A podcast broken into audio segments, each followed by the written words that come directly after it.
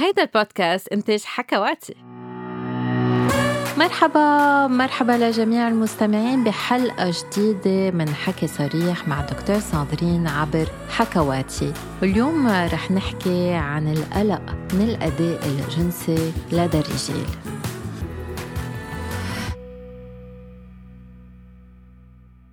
كتار من الشباب عندهم قلق قبل الممارسة الجنسية وكتار من الرجال كمان بيخافوا من الفشل أثناء العلاقة الجنسية.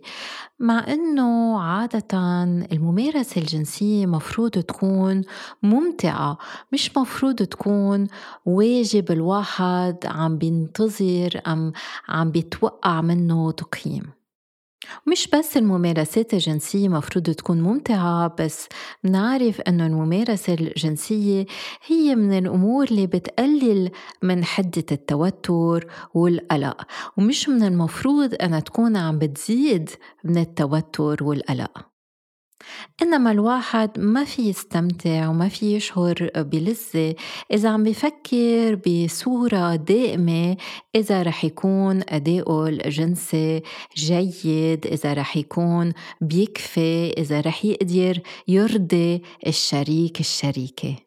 فهيدي الحالة من القلق اللي بتصاحب الكتار من الشباب والرجال أثناء الممارسة الجنسية وبعد الأوقات قبل الممارسة وبعد الممارسة بتأدي طبعا لصعوبات بالممارسة الجنسية اللي بترسخ الأفكار المقلقة واللي بتفوت الشخص بدائرة مفرغة.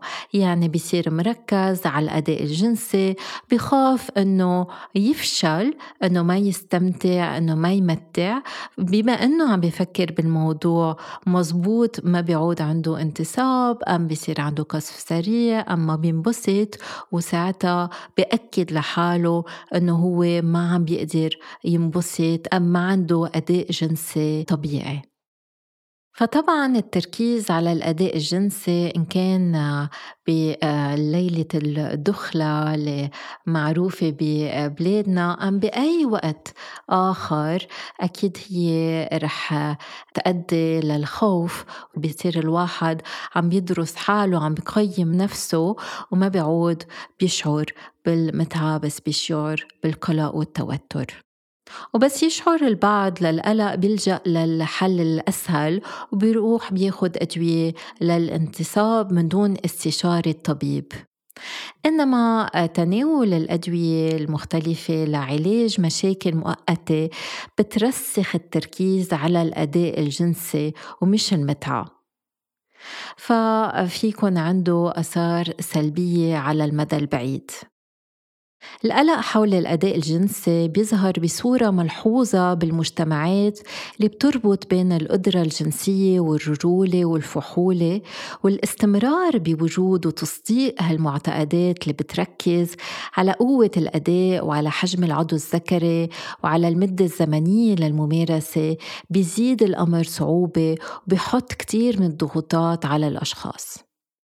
بيظهر هيدا القلق بصورة متنوعة مثل الخوف أنه يكون الأداء الجنسي مش منيح. كتار من الشباب بحطوا نفسهم تحت ضغط فكرة الأداء القوي وخاصة عند ممارسة الجنس لأول مرة أو مع شريكة جديدة بعدهم شي متعرفين عليها أو مع شريكة عندها خبرة جنسية أكتر منهم.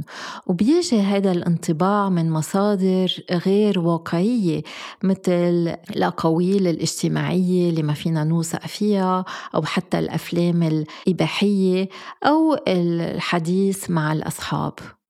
كله هيدا من دون معرفة علمية أو تجربة واقعية. كمان هيدا القلق في يظهر بصورة قلق من عدم القدرة على إرضاء الشريك. القلق كمان حول صورة الجسد.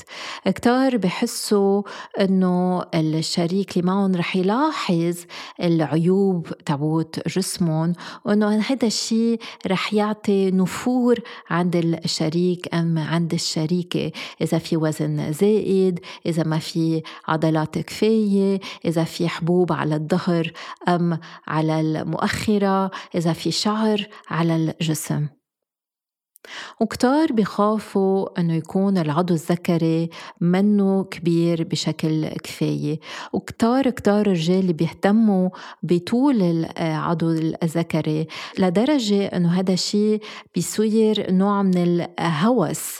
وهذا الشيء مرتكز على الصورة الخاطئة اللي بتصدرها الإباحية واللي بتزيد الأمور تعقيدا القلق كمان في يكون حول القذف فإذا الواحد كل الوقت عم بيفكر بالقذف عم بيخاف أنه يقذف بسرعة وهذا الشيء بيؤدي للقذف المبكر.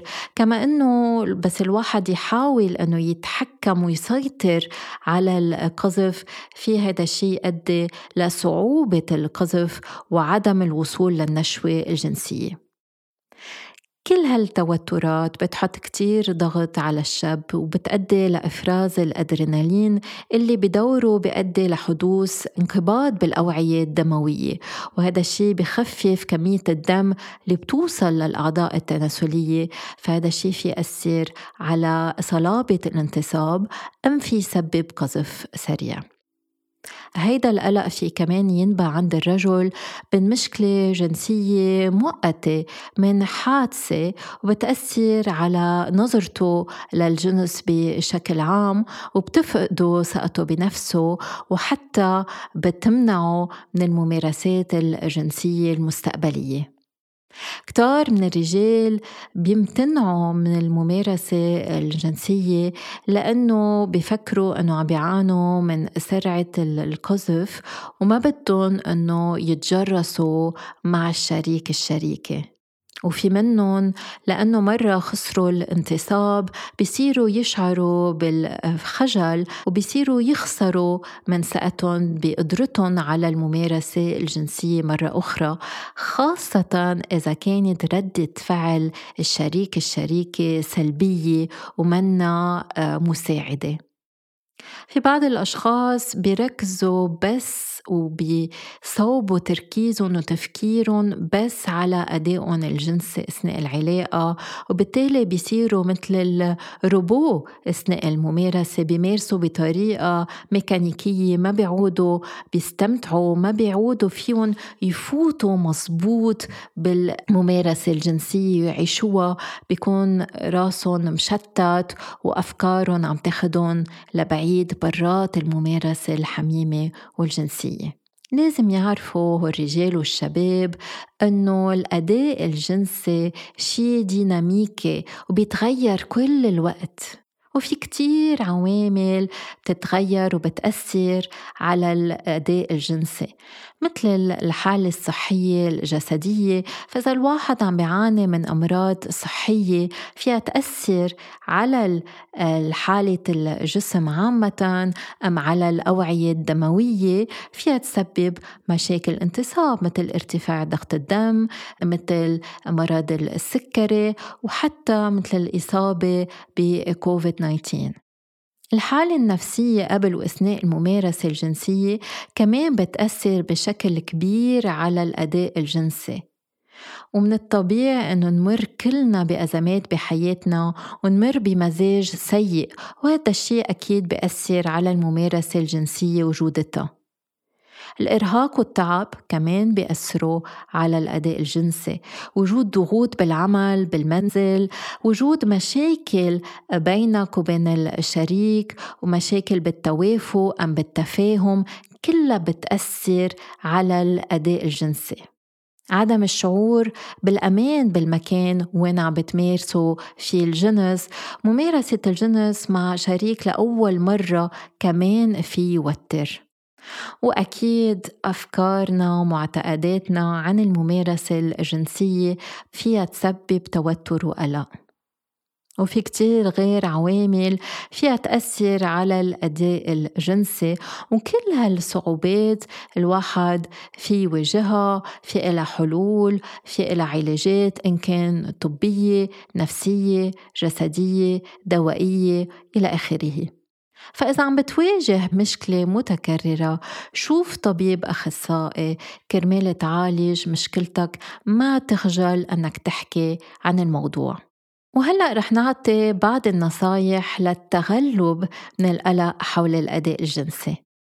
أول شغلة سقفوا حالكم جنسيا واكتسبوا المعرفة الجنسية من مصادر علمية موثوقة. اكتشفوا تعرفوا على جسمكم اكتشفوا المناطق المثيرة عندكم وتفضيلاتكم الجنسية. ركزوا على الممارسة مع الشريك والانسجام سوا مش على الأداء الجنسي وما تكونوا عم بتقيموا أدائكم الجنسي. خلق جو حميمة في يساعدكم كمان. مثلا إذا بتحطوا موسيقى رومانسية إذا بتولعوا شموع إذا بتركزوا على الشغف على الإحساس على الشعور كله هيدا بخفف من قلقكم إذا كنتم متوترين أم خايفين تحدثوا مع الشريك. خبروه إنه عندكم قلق وكونوا أكيدين إنه هيدا الشيء ما بيقلل من قدرتكم ما بيقلل من آه، رجوليتكم ما بيقلل من قيمتكم.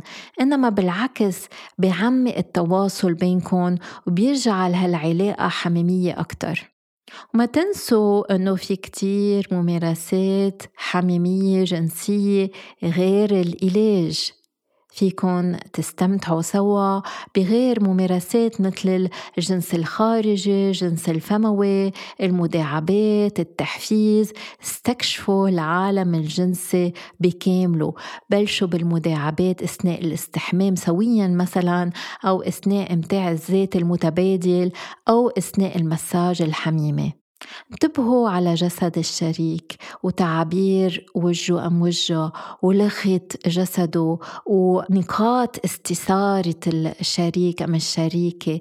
هيدا التركيز على التاني بخفف التركيز على حالكم فتشوا على ريحة الشريك على ملمس جلدته على تضاريس جسمه.